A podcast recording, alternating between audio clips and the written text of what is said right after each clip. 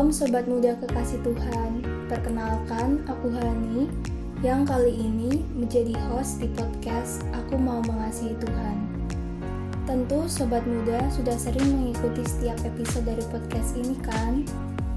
Podcast yang dibuat oleh Wonogiri Student Revival atau WSR ini mengajak Sobat Muda untuk belajar mengasihi Tuhan Podcast ini akan rilis setiap hari Jumat jam 3 sore.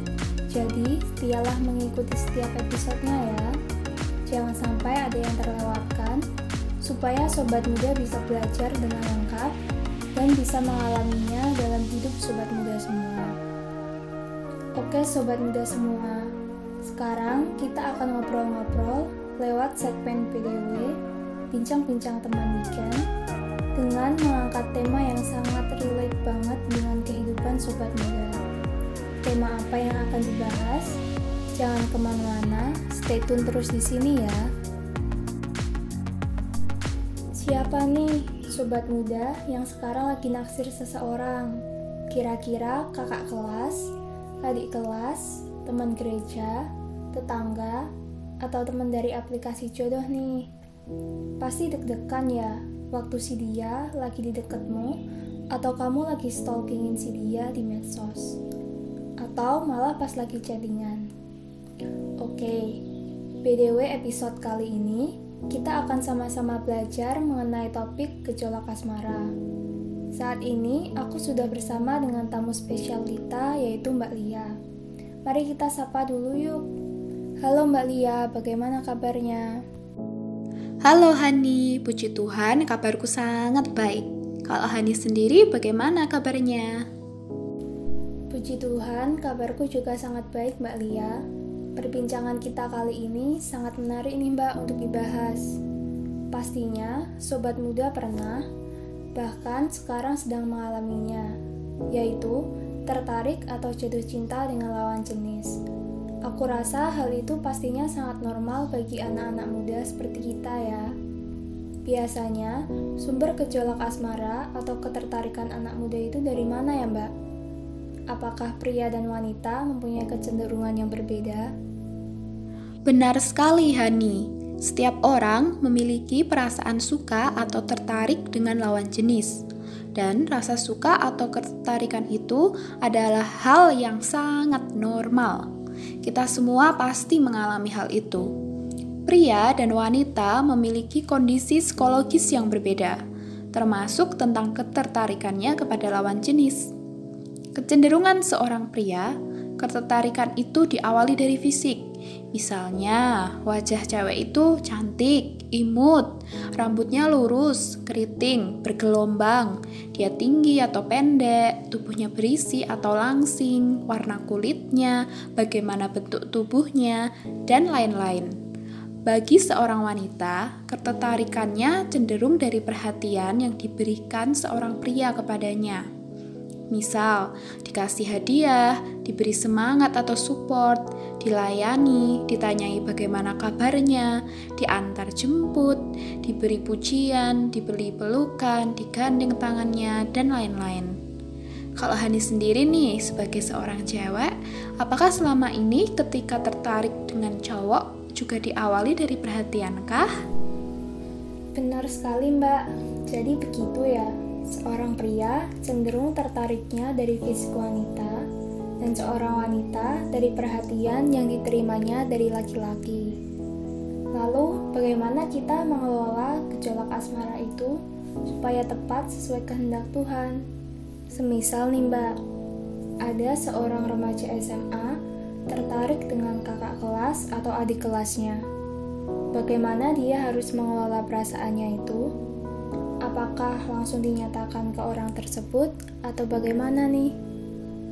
Perasaan yang kita miliki itu diciptakan Tuhan untuk bisa dinikmati loh. Tetapi cara orang menikmatinya bisa sembarangan. Misal tergesa-gesa diungkapkan perasaannya, bermain-main dengan perasaannya, dan perasaan orang yang ia sukai.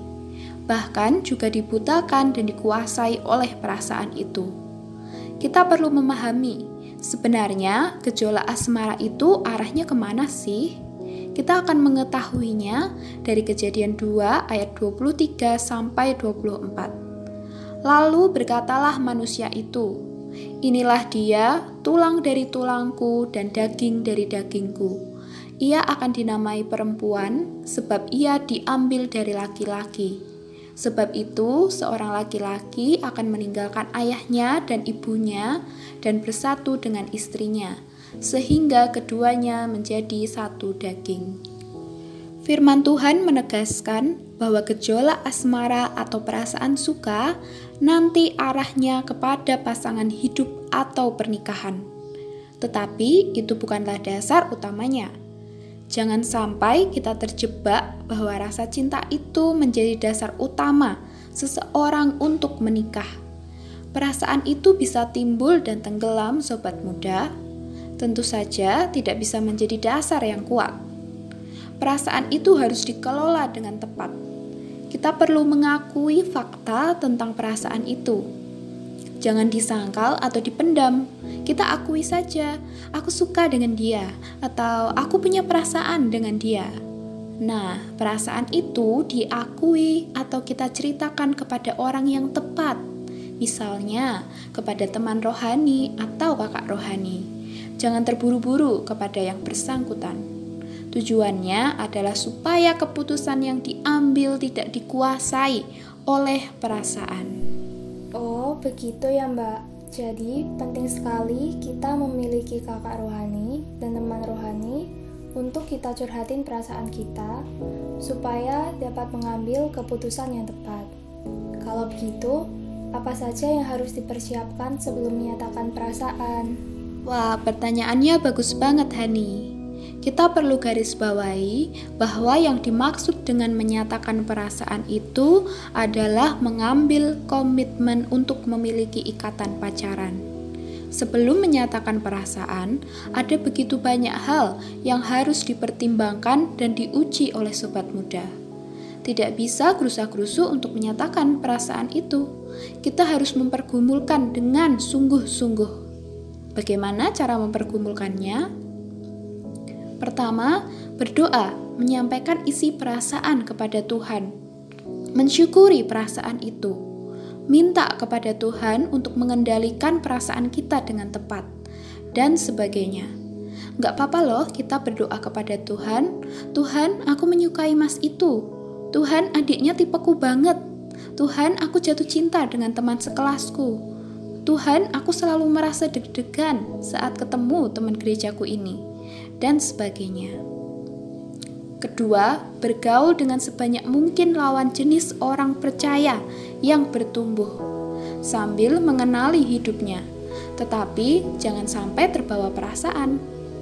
Ketiga, membuat kriteria-kriteria.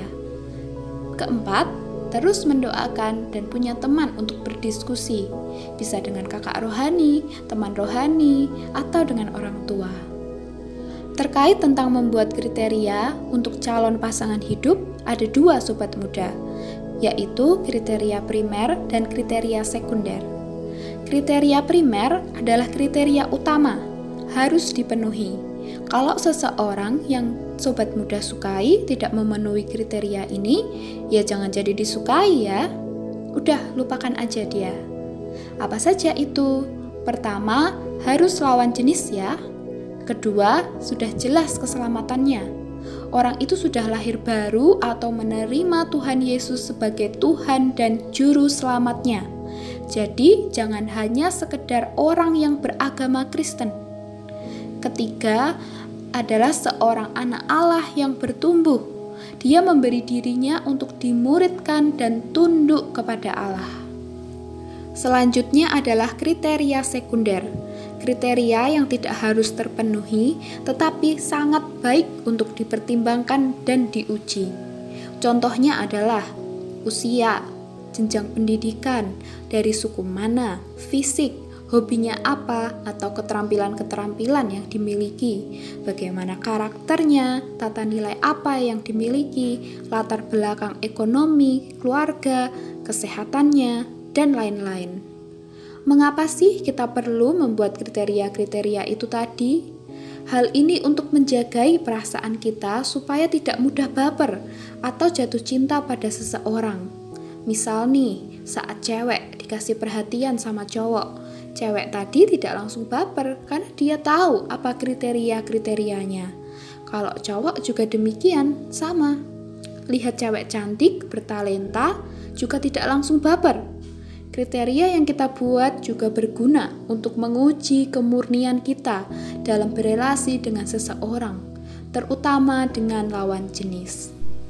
Wah, penting sekali ya Mbak untuk kita mempertimbangkan dan menguji banyak hal sebelum ke relasi pacaran. Termasuk penting juga untuk membuat kriteria-kriteria supaya bisa menjaga perasaan kita saat berelasi dengan seseorang. Oh iya mbak, boleh atau tidak sih wanita yang menyatakan perasaan lebih dulu? Dan kapan waktu yang tepat ya untuk menyatakan perasaan? Pertanyaannya bagus-bagus dan menarik nih. Begini Hani dan sobat muda, bagaimana sih desain Allah untuk pria dan wanita? Pria didesain Allah sebagai pemimpin dan wanita didesain sebagai penolong. Desainnya laki-laki adalah yang meninggalkan ayah ibunya. Berarti laki-laki didesain untuk yang memulai menyatakan perasaan.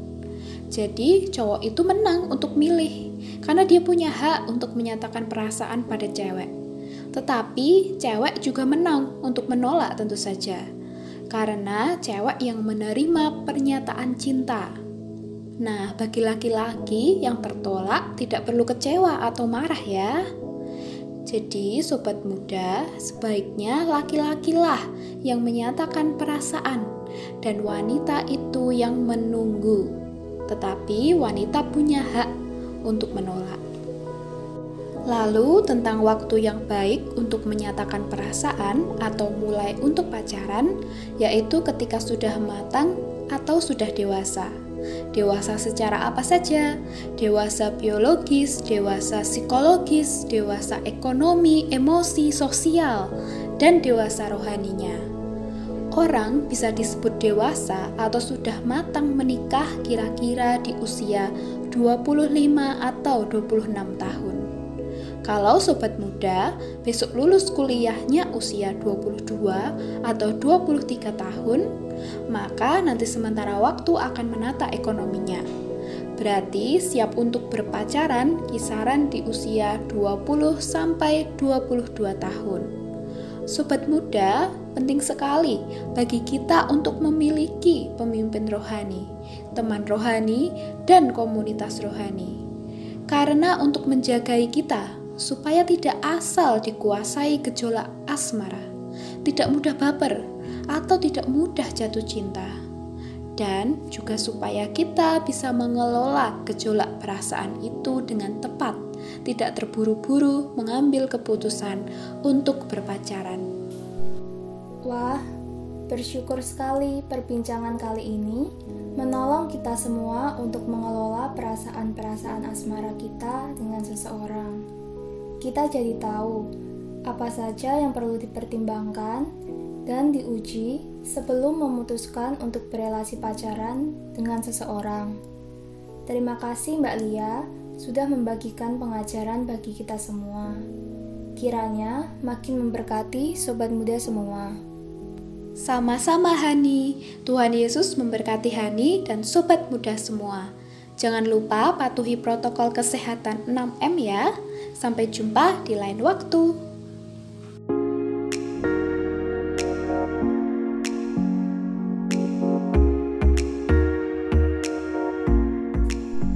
Muda kekasih Tuhan, senang sekali ya hari ini kita bisa belajar bersama lewat bincang-bincang teman weekend.